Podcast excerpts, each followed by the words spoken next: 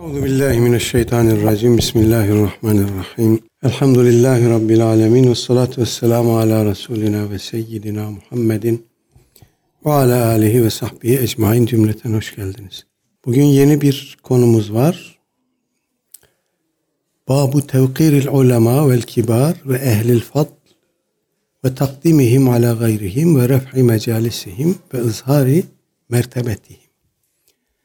Alimlere, yaşı büyük olanlara, fazilet ehli kimselere e, saygı göstermek, onları başkalarına takdim etmek, tercih etmek, e, meclislerde onları onlara kendilerine yakışır bir e, konum vermek, bir yer tanımak ve üstünlüklerini belirtmek. Bununla ilgili bir bab. Temelde alimlere saygı ile başlıyor ve fazilet ehli ve diğerlerinin e, diğerlerine karşı göstermemiz gereken tavır, davranış ile ilgili öğretici bir bab. Bu tabi aynı zamanda İslami bir toplumsal düzendeki hiyerarşiyi de ifade ediyor bize. Yani böyle bir sosyolojide e, kimler ön plandadır? Efendim, buna dair önemli bir tespit. İmam Nevevi merhum konuyla ilgili bir tek ayeti kerime zikretmiş. Zümer suresinin 9. ayeti. Bismillah. Kul hel yestevillezine ya'lemune vellezine la ya'lemun innema yetezekkeru ulul elbab. De ki bilenlerle bilmeyenler bir olur mu? Ancak temiz akıl sahipleri bunu tezekkür eder, düşünür. Bu sorunun hikmetini ve cevabını ancak temiz akıl sahipleri tefekkür eder. Burada bilenlerle bilmeyenler arasındaki fark vurgulanıyor. Tabi buradaki soru cevabı belli bir soru. Bilenlerle bilmeyenler bir olur mu? Olmaz.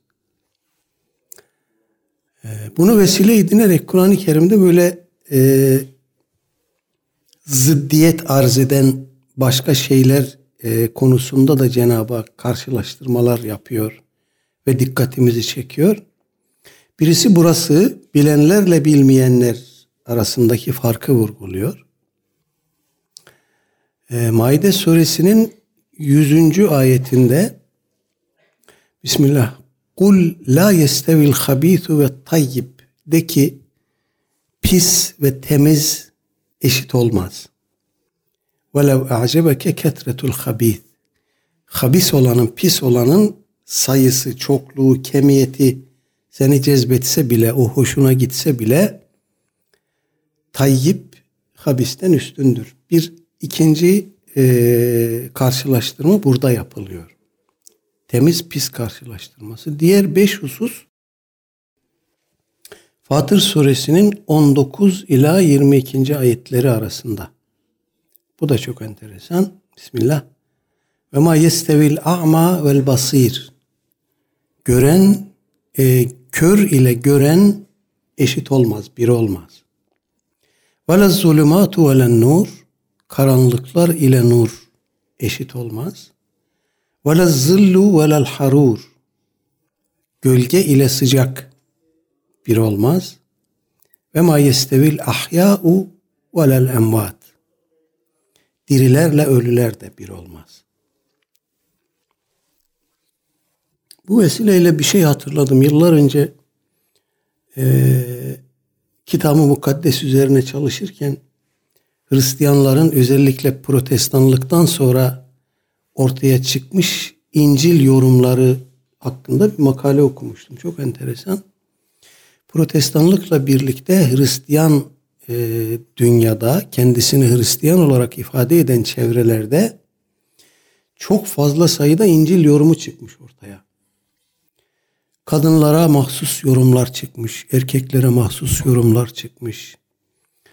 Ee, zencilere mahsus, beyazlara mahsus yorumlar ortaya çıkmış. Eşcinsellere mahsus yorumlar ortaya çıkmış. Bir de engellilere mahsus İncil yorumları ortaya çıkmış. Buna dair çarpıcı bir şey okumuştum.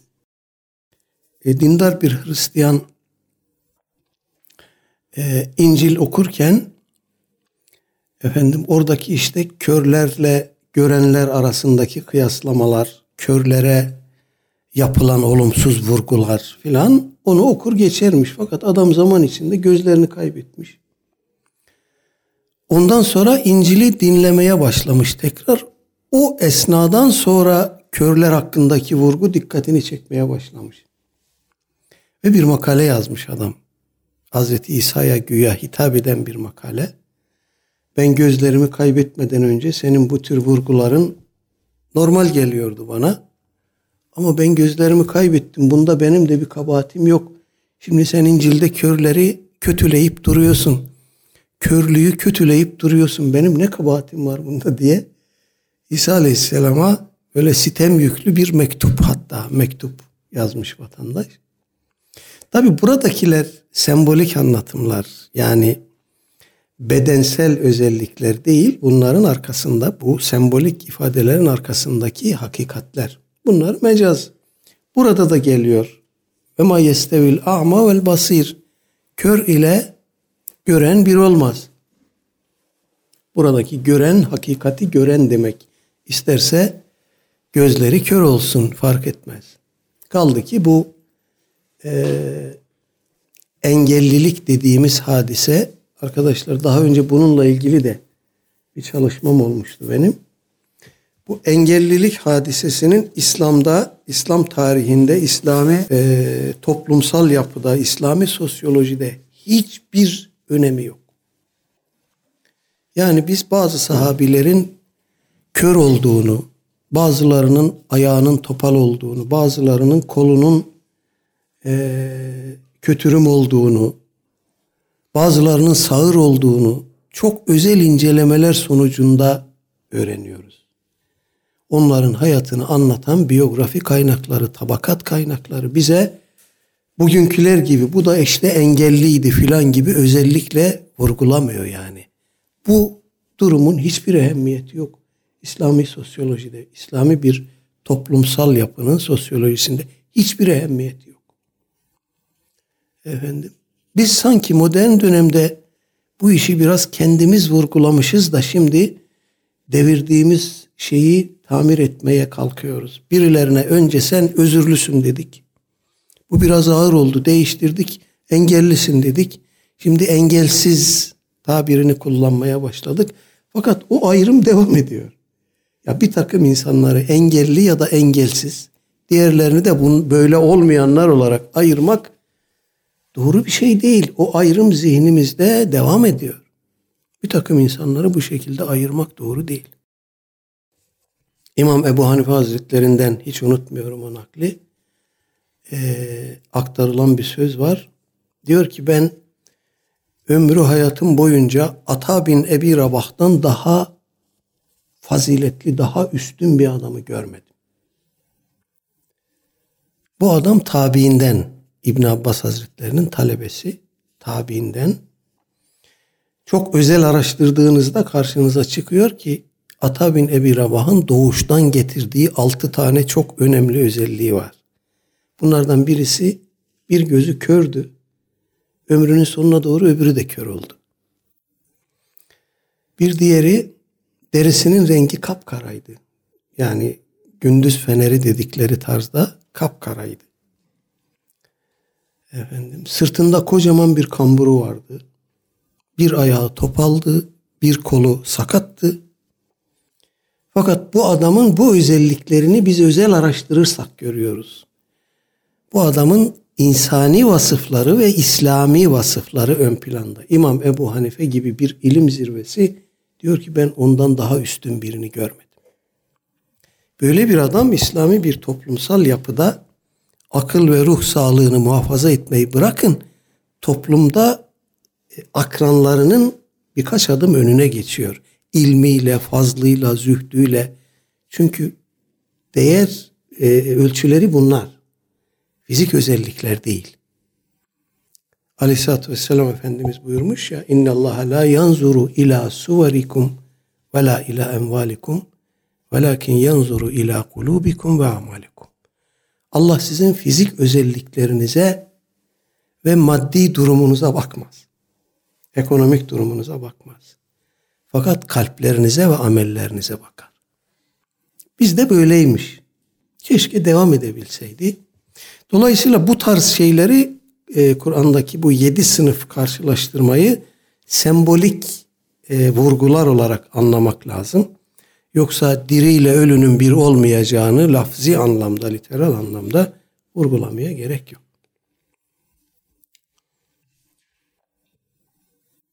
Evet İmam Nevevi merhum burada e, bu ayeti kerimeyi Zümer 9 Kul hel yestevillezine ya'lemune vellezine la ya'lemun ulemanın e, faziletini, eftaliyetini vurgulamak için burada zikretmiş. Efendim e, ulemanın ilim sahibi olan insanların e, vasıfları, sorumlulukları ile ilgili hadis kitaplarımızda Kitabul İlim başlığı altında çok sayıda rivayet var. Biz bunları vaktiyle bizim vakıfta Mişkatül Mesabih seminerleri yaparken uzun uzun işlemiştik. İnternette videoları bulunur.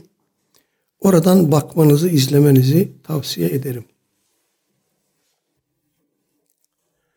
Evet, burada özellikle zengin bir bab başlığı olduğu halde alimlerin vurgulanması ilmin diğer e, vasıflara, sıfatlara göre daha üstün, daha eftal olmasından kaynaklanıyor. Allahu alem. Sonra İmam Nevevi merhum hadislere geçiyor. 349 numaralı rivayet. Han Ebi Mes'udin Ukbete ibn Amir'in el-Bedri'il Ansari radıyallahu anhu kal قال رسول الله صلى الله عليه وسلم يؤم القوم أقرأهم لكتاب الله فإن كانوا في القراءة سواء فأعلمهم بالسنة فإن كانوا في السنة سواء فأقدمهم هجرة فإن كانوا في الهجرة سواء فأقدمهم سنا.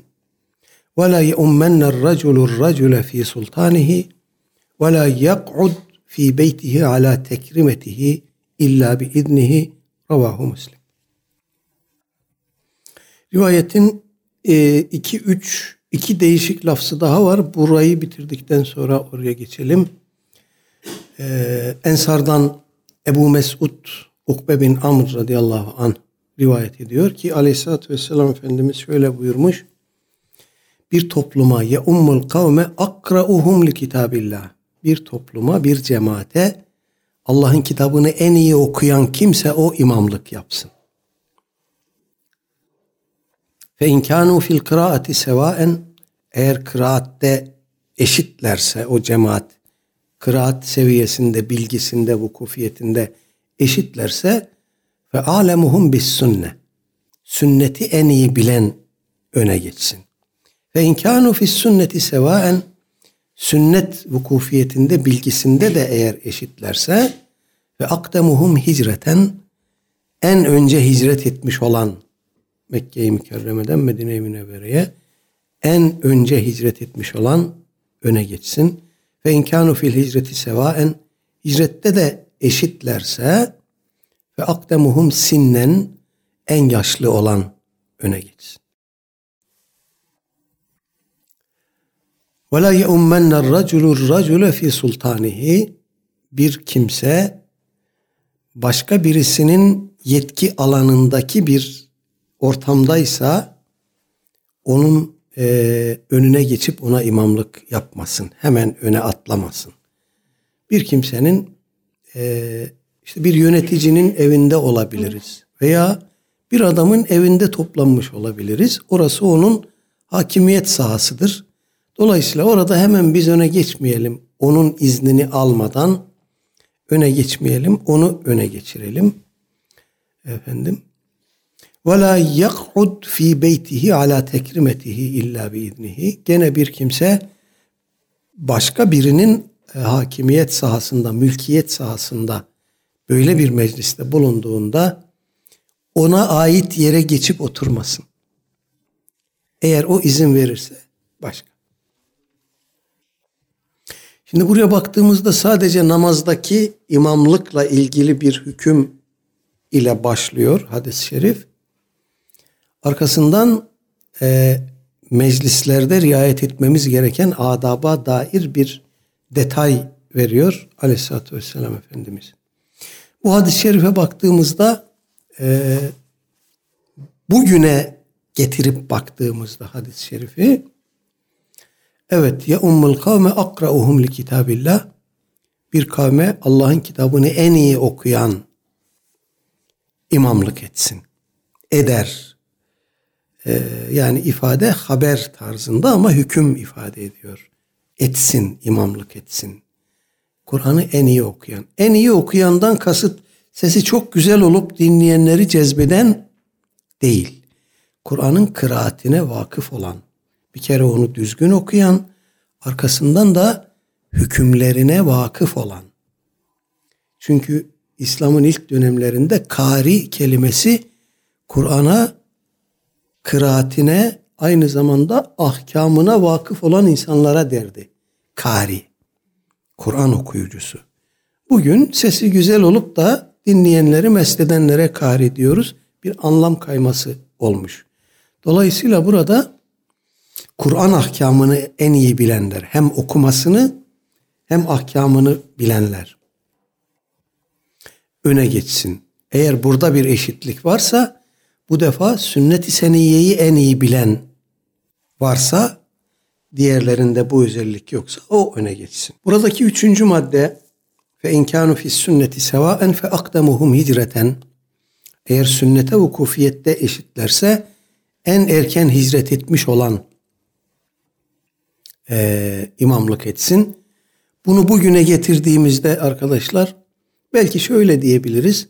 Bir gayrimüslim memlekette yaşayan birkaç kişi olur. Onlar peyderpey bir Müslüman toprağa, İslam ülkesine, İslam toprağına hicret ederler. Bunlar arasında böyle bir şey olabilir. Yahut da e, Aleyhisselatü Vesselam Efendimiz La hicrete ba'del feth buyurmuş. Mekke'nin fethinden sonra artık hicret mükellefiyeti yoktur. Bundan sonra muhacir kimdir? Men hacere mane an manehallahu anhu. Allah Teala'nın yasak kıldığı şeylerden hicret eden, onlardan uzak duran, onlardan uzak durma hassasiyetini sergileyen kimse muhacirdir. Artık bugüne e, getirdiğimizde muhacir Allah'ın haramlarından hassasiyetle uzak duran kimsedir. Hükmü ona tahvil edebiliriz vallahu alem. Dolayısıyla burada bir takva vurgulanıyor. Yani Kur'an okumada ahkamına vukufiyette, sünnete vukufiyette eşitse cemaat en takvalı olan öne geçsin. Orada da bir eşitlik varsa ve inkanu fil hicreti sevaen fe akdemuhum sinnen en tecrübeli yaşlı olan öne geçsin ki burada da anlaşılmayacak bir mesele yok. Bir meclis adabı olarak bir kimsenin kendisine mahsus bir ortamda bulunuyorsak, onun mülkin, mülkünde bulunuyorsak namaz vakti geldiğinde onun önümüze geçmesini söyleyelim. Ona imamlık e, yerini, mevkiini teklif edelim, onu buyur edelim. Eğer o başka birini gösterirse o geçer. Yok başka birinin evindeyiz hemen biz e, atlayıp geçelim cemaatin önüne. Bu adaba aykırı bir şey, sünnete aykırı bir şey. Efendim. Bir de tabii o mecliste oturma adabı olarak da ev sahibinin, meclis sahibinin kendine mahsus yerinde, makamında oturmamak lazım. Aleyhisselatü Vesselam Efendimizin sünneti bir meclise sonradan girdiğinde nerede boş yer varsa hemen oraya otururdu. Elbet sahabe-i kiram kalkardı ona yer verirdi ama öğretmek kabilinden Efendimiz boş bulduğu yere otururdu. Ee, bu da bir meclis adabı olarak riayet edilmesi gereken bir şeydir. Elbette günümüzde resmi vasıflı toplantılar olur, orada protokoller olur. Hmm, sözümüz bunlara ilişkin değil. Bu bir normal e, protokolün bulunmadığı resmi bir sıfatın bulunmadığı meclisler için bahse konudur. Bu rivayet e, fe inkanu fil hicreti sevaen fe akdemuhum sinnen ifadesi. Eğer sünnete vukufiyette eşitlerse en yaşlı olan öne geçsin ifadesi bir rivayette ve akdemuhum silmen diye gelmiş. Sinnen yerine silmen diye gelmiş. Bu da yine asr-ı saadete götürüyor bizi. Müslümanlığa, İslam'a en önce hangisi girmişse, hangisinin İslam'ı akdemse o öne geçsin anlamında. Efendim. Bu rivayet bütün olarak başka bir tarikten şöyle de gelmiş. Ye ummul kavme akrauhum li kitabillah. Bir topluluğa, bir cemaate Allah'ın kitabını en iyi okuyan imamlık yapsın. Ve akdemuhum kıraaten. Ve onun kıraatini öğrenmede en önde gelen e, imamlık yapsın. Ve inkânet kıraatuhum sevaen eğer kıraat vukufiyetinde eşitlerse fel yeummuhum akdemuhum hicreten en önce kim hicret etmişse o imam olsun. Ve inkanu fil hicreti sevaen eğer hicrette de aralarında bir eşitlik varsa fel ye ummehum ekberuhum sinnen aralarında en yaşlıları hangisi ise o imam olsun. Evet bizim e, cemaat düzeni, saf düzeni birazdan bununla ilgili e, hadis-i şerif de gelecek. O tabi e, namazın ehemmiyetine, hususiyetine e, paralel olarak saf düzeniyle ilgili de Efendimizin getirdiği bir ölçü bu.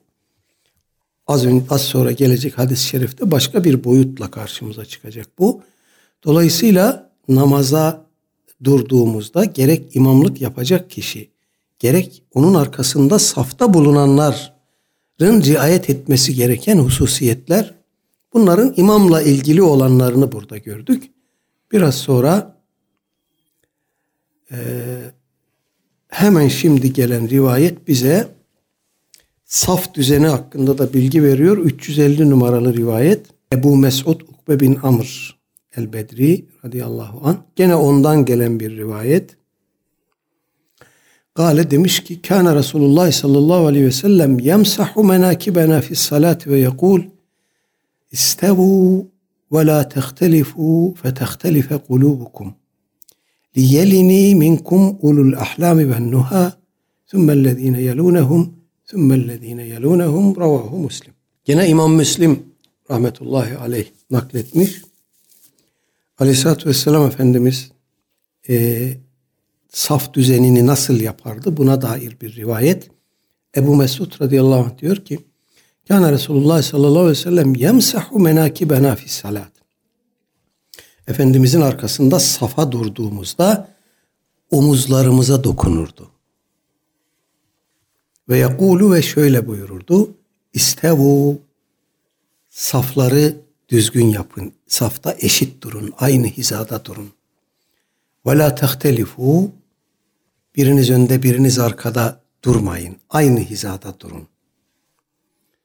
Ve la tehtelifu fetehtelife kulubukum. Eğer biriniz önde biriniz arkada dağınık bir saf düzeninde durursanız kalpleriniz de birbirine yabancılaşır. Arkadaşlar son derece mühim, çarpıcı ve üstünde özellikle durmamız gereken bir nebevi tespit. Bugün camilerdeki saf düzenimiz bu hassasiyette değil. Özellikle bir pandemi dönemi geçirdik. Orada belli bir dönem e, sosyal mesafeyi koruduk. Ondan sonra o dönem kapandı. Saf düzenine yeniden dönmekte biraz zorlandık. Fakat hala aynı şeyi görüyoruz. E, cemaat imamın arkasında durduğunda omuzları, dirsekleri birbirine değmesin diye özellikle buna dikkat ediyor. Özellikle başkasına değmemeye, başkasının da kendisine değmemesine özen gösteriyor. Her birimizde bu var. Bu neden var? Çünkü birbirimize kalplerimiz ısınmıyor. Kardeş olduğumuzu düşünmüyoruz, düşünemiyoruz.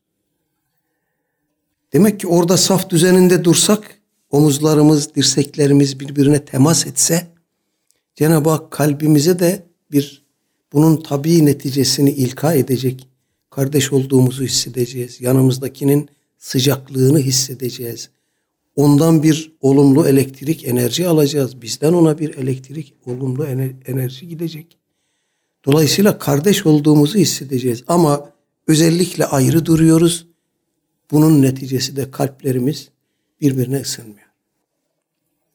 Nebevi tespit ortada, denemesi de bedava. Namazda saflarımızı şöyle bir sıklaştırmaya bakalım. Kardeşlerimiz de bunu kabul ederse tabii. Bir görelim bakalım bunun kalbimize nasıl bir yansıması oluyor. Çok önemli bir şey. Ama zaten camiye girerken bir an evvel kılıp da çıkalım şeyi var hepimizde. Bir an evvel çıkalım. Camiye girerken böyle bir kalabalık kitle halinde girmiyoruz ama çıkarken kuyrukta bekliyoruz. Adım adım gıdım gıdım ilerliyoruz. Hep beraber çıkıyoruz. Bir an evvel çıkalım diye ama bir an evvel girelim diye bir hassasiyetimiz olmuyor maalesef. Dolayısıyla buradan başlayarak arkadaşlar sanki birbirimizi, kendimizi o kendi modern dünyanın üzerimize giydirdiği o bireysellik içine hapsediyoruz. Ve bunu orada da devam ettiriyoruz. Orada devam ettirince çıkınca da kalplerimiz birbiriyle ihtilaflı, birbirine bakmıyor, birbirine dönmüyor. Efendim, yabancı insanlar olarak camiye girip yabancı insanlar olarak çıkıyoruz. Evet, bir de tabi buradaki gibi İmam Efendi'nin dönüp de omuzlarımıza dokunması, sen biraz gel, sen biraz git falan demesi herhalde hiçbirimizin böyle bir şeye tahammülü olmaz. İmam Efendi'nin bize dokunmasına müsaade eder miyiz?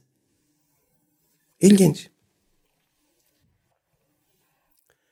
Sonra buyuruyor ki Efendimiz liyelini minkum ulul ahlami ve nuha benden hemen sonra ilk safta aranızda görmüş geçirmiş bilgili tecrübeli insanlar dursun. İlk safta onlar bulunsun.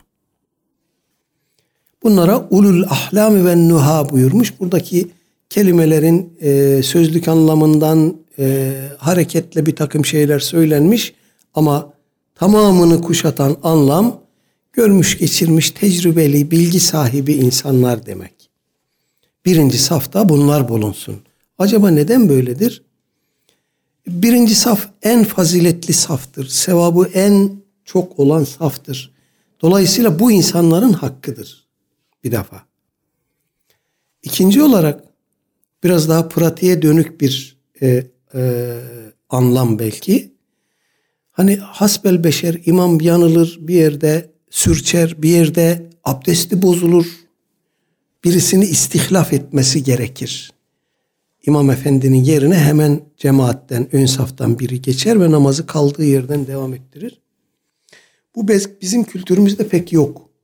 Maalesef yok. Ee, ama bir, bir fıkhi hüküm olarak istihlaf diye bir kavram var. İmam Efendi'nin diyelim ki asfel beşer namazda burnu kanadı. Abdesti bozuldu. Böyle bir durumda ne olur? Fukaha ihtilaf etmiş. Bir kısım fukaha demiş ki böyle bir durumda imamın abdesti bozulduğu için namazı bozulur. Cemaatin de namazı bozulur. Çünkü cemaatin namazı imama bağlıdır. İmamın namazına bağlıdır. İmam seferi ise arkasında duran cemaat mukimse imam iki rekat kılar ama cemaat dört kılar. İmam mukimse cemaat seferi ise cemaatin namazı imama bağlıdır. Onlar da tam kılarlar. İmam mukimse imamın namazı cemaatin namazı cemaatin namazı imamın namazına bağlıdır. Dolayısıyla dört rekat kılarlar.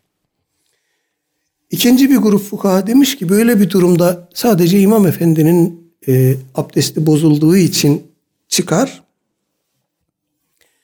E, ön saftan birisini tutar, yerine geçirir. Bu arada burnunu tutar. Cemaat anlar ki herhalde burnu kanadı. Burnu kanamasa bile başka bir sebepten abdesti bozulmuş olsa bile burnunu tutar. Bu benim namazım bozuldu demektir. Yerine birisini geçirir ve kendisi ilk en kısa yoldan çıkar gider. Abdestini tazeler gelir. Efendim işte böyle bir durumda hemen ön safta tecrübeli, e, bilgili birisi bulunacak ki, birileri bulunacak ki hemen birisi en kısa imamın arkasındaki kimse geçsin, anlasın meseleyi ve imam efendinin kaldığı yerden devam ettirsin. Böyle bir durumda cemaat ne yapar? İkinci imamın imamlığında namaza devam eder. Nitekim Aleyhisselatü Vesselam Efendimiz vefat hastalığındayken birkaç gün böyle ağır geçti biliyorsunuz. Bazen bayılıyordu sonra kendine geliyordu. Kendisini iyi hissettiği bir e, anda bir kolunda Hazreti Ali Efendimiz bir konunda Hazreti Abbas radıyallahu anhuma olduğu halde Mescid-i Saadet'e çıktı. Hazreti Ebu Bekir namaz kıldırıyordu. Efendimizin geldiğini fark edince geri çekildi Hazreti Ebu Bekir. Efendimiz yerinde kalmasını söyledi ama o gene geri çekildi. Efendimiz'e o yeri terk etti. Onundu zaten orası. Dolayısıyla Efendimiz imam oldu. Kaldıkları yerden Efendimizin imametinde devam ettiler. Ee, burada şöyle bir incelik de var. Bazen Aleyhisselatü Vesselam Efendimizin emrini tutmamak da eftaldir. Burada Hazreti Ebu Bekir'e emretti. Sen dur orada dedi ama Hazreti Ebu Bekir bir peygamberin önüne geçmeyi doğru bulmadı. Geri çekilmeye devam etti. Dolayısıyla o e, sünnete riayette, ahkama riayette daha doğrusu böyle bir eftaliyet sıralaması da olur. Bunu ancak derin vukufiyeti olanlar muhakeme edebilir, e, karar verebilir. Hazreti Ebu Bekir'de de bu e, haslet fazlasıyla vardı zaten. Radıyallahu anhu ve anhum ecmain. Sonra benden hemen sonra görmüş geçirmiş ilim sahibi, tecrübe sahibi kimseler dursun saf, ön safta. Tümmellezine yelunehum, tümmellezine yelunehum. Sonra onların ardından gelenler, sonra onlardan sonra gelenler. Fukahamız buradaki bu e, ardından gelenler birinci ve ikinci, ardından gelenler tabirini şöyle açıklamışlar. Ön safın hemen arkasında kim dursun? Yetişkin insanlar dursun. Evet ilim sahibi değil, e, fazilet sahibi değil ama yetişkin insan. Bunlar onların ardında dursun. Onların ardında gençler dursun. Onların ardında bülû çağına yeni ulaşmış olanlar dursun. Onların ardında hünsa dediğimiz e, kimseler dursun. Onların ardında da hanımlar cemaati olduğu gibi mescidin en arka kısmında yer alsın şeklinde bir e, saf düzeni tespit etmiş bu kaha. Buraya baktığımızda e, bu saf düzeniyle ilgili bu tırnak içinde hiyerarşik tespit az önce ifade ettiğimiz sohbet meclislerinde, ilim meclislerinde de riayet edilmesi gereken bir hiyerarşiyi anlatıyor. Yani gençler hemen ön safa geçip orada durmasın. Arkada dursun. Bilgi sahipleri e, halkanın en iç kısmında bulunsun. Onların arkasından yetişkin kimseler, diğerleri, diğerleri bu şekilde bir oturma düzeni olsun e, şeklinde bir işaret de veriyor bize bu hadis-i şerif.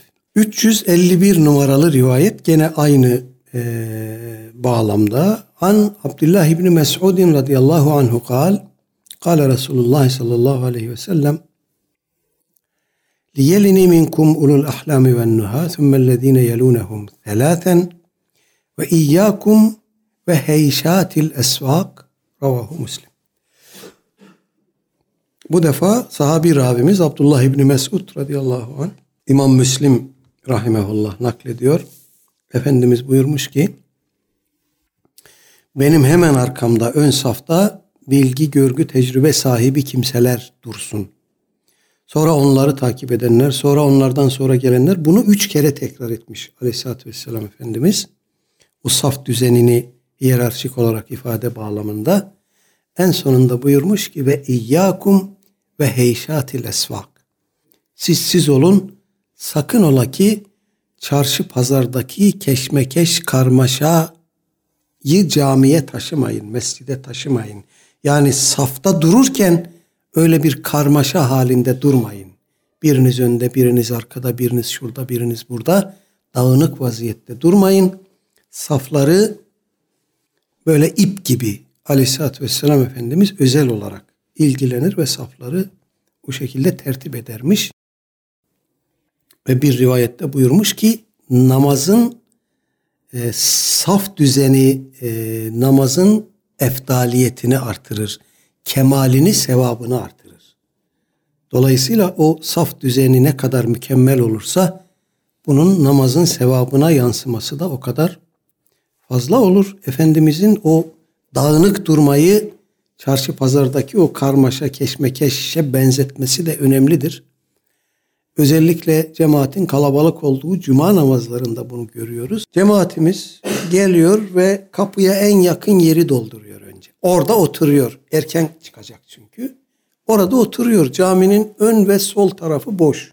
Eğer giriş buradansa ön tarafı boş. Giriş buradansa ön ve sağ tarafı boş.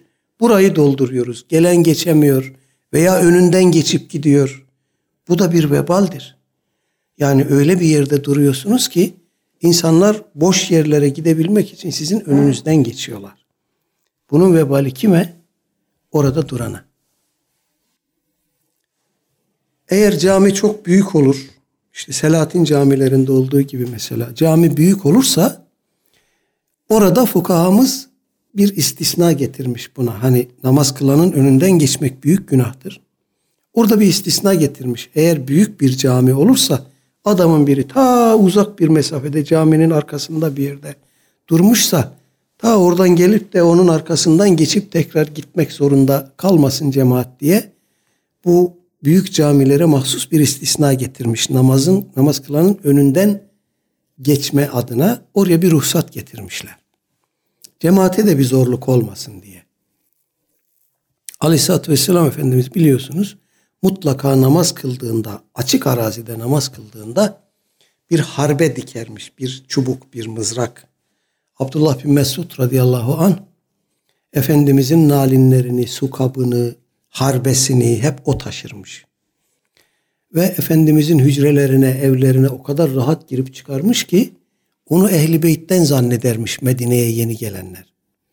Efendimizin o özel eşyasını taşırmış. Efendim ve e, açık arazide namazda mutlaka Efendimiz önüne o harbeyi dikermiş. İmamın önünde olduğu zaman o cemaate de sütre olur. Sütre diyoruz ona biliyorsunuz. Öyle bir harbe bulamadığı zaman ne yapar? Bir çizgi çizer yere. Bazıları yatay çizgi çizer demiş. Bazıları dikey çizgi çizer demiş. O da aynı maksadı hasıl eder. Ama mesela küçük camilerde cemaat çıkıyor. Başka biri gelmiş sonradan orada namaz kılmaya başlamış. Cemaat ne yapsın? Bu adamı beklesin mi? Önünden mi geçsin gitsin? Eğer yapabiliyorsa boynunda bir boyun bağı varsa mesela bir kaş kolu vesairesi varsa önüne geçmeden önce onu namaz kılanın önüne sersin. Onun önünden dolansın, geçsin ondan sonra onu da alsın gitsin. Mümkün mertebe namaz kılanın önüne bir bir sütre koymak lazım. Bu bir bir herhangi bir materyal de olabilir. Dolayısıyla namaz kılanın önünden vurup aldırış etmeksizin geçmek yerine oraya koyabileceğimiz herhangi bir nesne onun sütresi olur. O da günaha girmemiş olur. Onu da oradan kurtarmış oluruz. Biz de günaha girmemiş oluruz bu saf terbiyesini e, gözetmek lazım. Ne yazık ki camilerimizde artık bunlara bu tür şeylere çok dikkat edilmiyor. İmam efendiler anlatsa vurgulasa bile cemaatimiz sağ olsun gerekli duyarlılığı göstermiyor gibi geliyor bana. 352 numaralı rivayetteyiz. Biraz uzunca bir rivayet sanıyorum bununla bu akşamki sohbeti noktalarız. An Ebi Yahya ve kıyla Ebi Muhammedin Sehl ibn Ebi Hatmete radıyallahu anhu el-Ensariye قال انطلق عبد الله بن سهل ومحيصة بن مسعود إلى خيبر وهي يومئذ صلح فتفرقا فأتى محيصة إلى عبد الله بن سهل وهو يتشحط في دمه قتيلا فدفنه ثم قدم المدينة فانطلق عبد الرحمن بن سهل ومحيصة وحويصة بن مسعود إلى النبي صلى الله عليه وسلم. فذهب عبد الرحمن يتكلم فقال كبر كبر وهو أحدث القوم. Feseket fetekellema fekale etahlifune ve testahlifune katilekum testahikkune katilekum ve zekere temamel hadithi muttefekun aleyh. Ee, bu haliyle de biraz uzunca bir rivayet ama orijinalini de İmam Nevevi merhum kesmiş sonunu. E, bu babla çok ilgisi alakası olmadığı için e, kesmiş. Efendim e, İmam Bukhari ve Müslim rahimehumallah tarafından rivayet edilmiş bir hadis.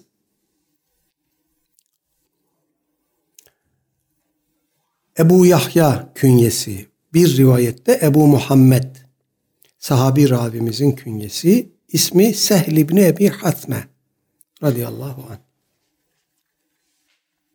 Bu sahabi Efendimiz Aleyhisselatü Vesselam vefat ettiğinde 8 yaşlarındaymış. Efendim. E, kendisi başka büyük sahabilerden de rivayette bulunmuş. E, bu rivayet de bir e, sahabi mürseli gibi duruyor. Ama sahabi mürselleri teknik olarak sahihtir. Mutlaka başka bir sahabiden nakletti çünkü. Diyor ki İntelaka Abdullah İbni Sehlin ve Muhayyisat İbni Mes'udin ila Hayber. Sahabeden Abdullah İbni Sehl ve Muhayyisa bin Mes'ud radıyallahu anhuma Hayber'e gittiler. Arka plan bilgilerinden bu iki kişinin amca çocuğu olduğunu öğreniyoruz. Hayber'e gittiler ve hiye yevme izen sulhun. O zaman Hayber e, fethedilmiş. Efendimiz Aleyhisselatü Vesselam orası hurmalık bir yer. E, Yahudiler de hurma ziraatinde e, uzmanlaşmış kimseler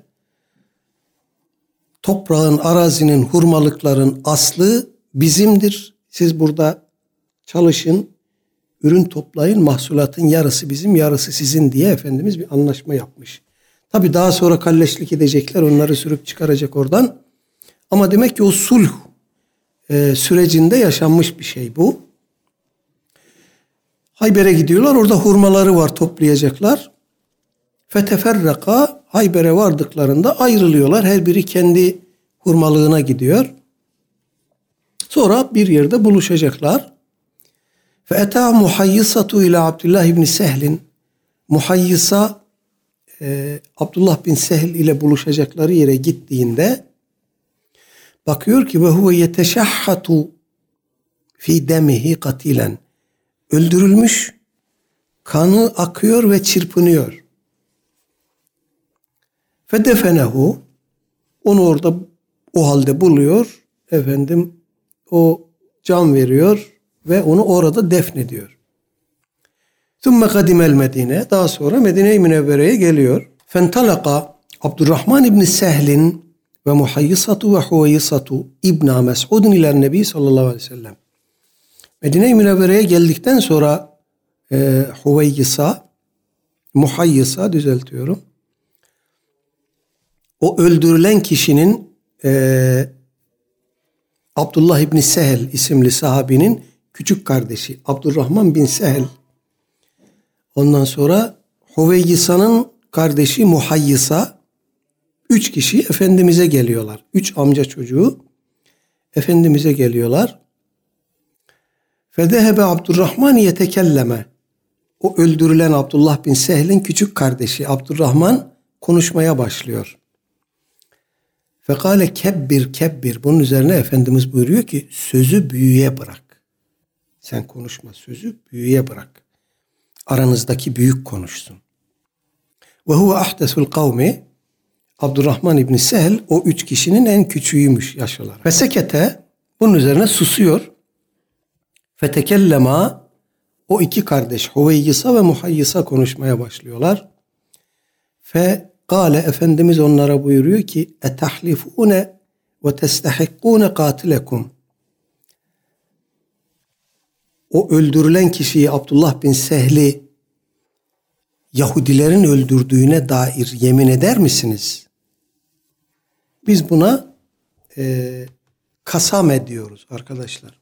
Bir fıkıh terimi olarak kasame. Bir adam bir yerde ölü bulunsa ne yapılır? O ölünün maktulün yakınları eğer bunu falan kişi öldürdü diye 50 kere yemin ederse efendim karşı taraf da hayır biz öldürmedik diye 50 kere yemin ederse bu defa öldürülen kişinin diyeti Beytülmal'den ödenir. Karşı taraf yemin etmezse karşı tarafa ödetilir. Öldürülen kişinin diyeti karşı tarafa ödetilir. Burada karşılıklı bir kasemleşme, yeminleşme olduğu için kasame demiş fukahamız buna. Efendim ee, başka bir rivayette burada Abdurrahman bin Sehel en küçükleri o susmuş. Huveyyisa ve Muhayyisa kardeşler konuşmuş. Başka bir rivayette Muhayyisa konuşmaya başlamış. Efendim kardeşi Huveyyisa ondan daha büyük olduğu için Efendimiz sözü ona vermesini istemiş. Hangisi e, doğrusu Allahu alem. İmam Müslim'in rivayetidir okuduğumuz metin. Öldürülenin kardeşi konuşmaya başlıyor. Aslında söz onundur. Çünkü öldürülen onun kardeşidir. Ama buna rağmen Efendimiz Aleyhisselatü Vesselam e, o öldürülenle kan bağını gözetmiyor. O olayla ilgili yaşı en büyük olan kimse onun konuşmasını istiyor. Neden? Çünkü burada bir katil hadisesi var. Ciddi bir mesele. Yaşı büyük olan daha objektif bakar. Küçük olanın göremediği detayları görebilir. Allahu alem bu yüzden Efendimiz önce büyük olan konuşsun diye sözü ona veriyor. Bu bir mecliste e, hani su küçüğün sofra büyüğün diye bir söz var dilimizde de mecliste konuşma sırası da büyüğün. Dolayısıyla hala Anadolu'da bazı yerlerde bu şey yaşar. Bu güzel sohbet adabı yaşar. Büyükler soru sormadan, söz hakkı vermeden küçükler ortaya atılıp söz söylemez, konuşmaz. Buradan gelen bir adaptır bu sünnet-i seniyeye dayanır. Ee, bu rivayet aklıma Ömer bin Abdülaziz radıyallahu anh'ın e, başına geçmiş bir şeyi hatırlattı. E, halifeyken e, bir yerden bir heyet gelmiş halifenin huzuruna. Heyetin içinde yaşı genç olan birisi konuşmaya başlamış. Ömer bin Abdülaziz de Efendimizin burada buyurduğu gibi ona demiş ki kebbir kebbir. Yani bırak büyükler konuşsun sözü büyüklere ver. O konuşan e, delikanlı da dirayetli basiretli biriymiş. Demiş ki sen kebbir kebbir yaptın mı? Senin yaşın küçük. Halifelik yapıyorsun. Hilafette senden yaşı büyük olanlar var. Bu mesele yaş meselesi değil. Bakmış ki doğru söylüyor oradaki en basiretli, tecrübeli, bilgili oymuş. Tamam demiş, konuş ve sözü ona vermiş. Burada da bir fekahet var yani bir ince anlayış var. Bu anlayış bize diyor ki eğer bir mecliste yaşı küçük olan bilgiliyse, tecrübeliyse, görgülüyse, sohbetin hakkını verebilecek durumdaysa o konuşsun, diğerleri dinlesin. Böyle bir incelik de var.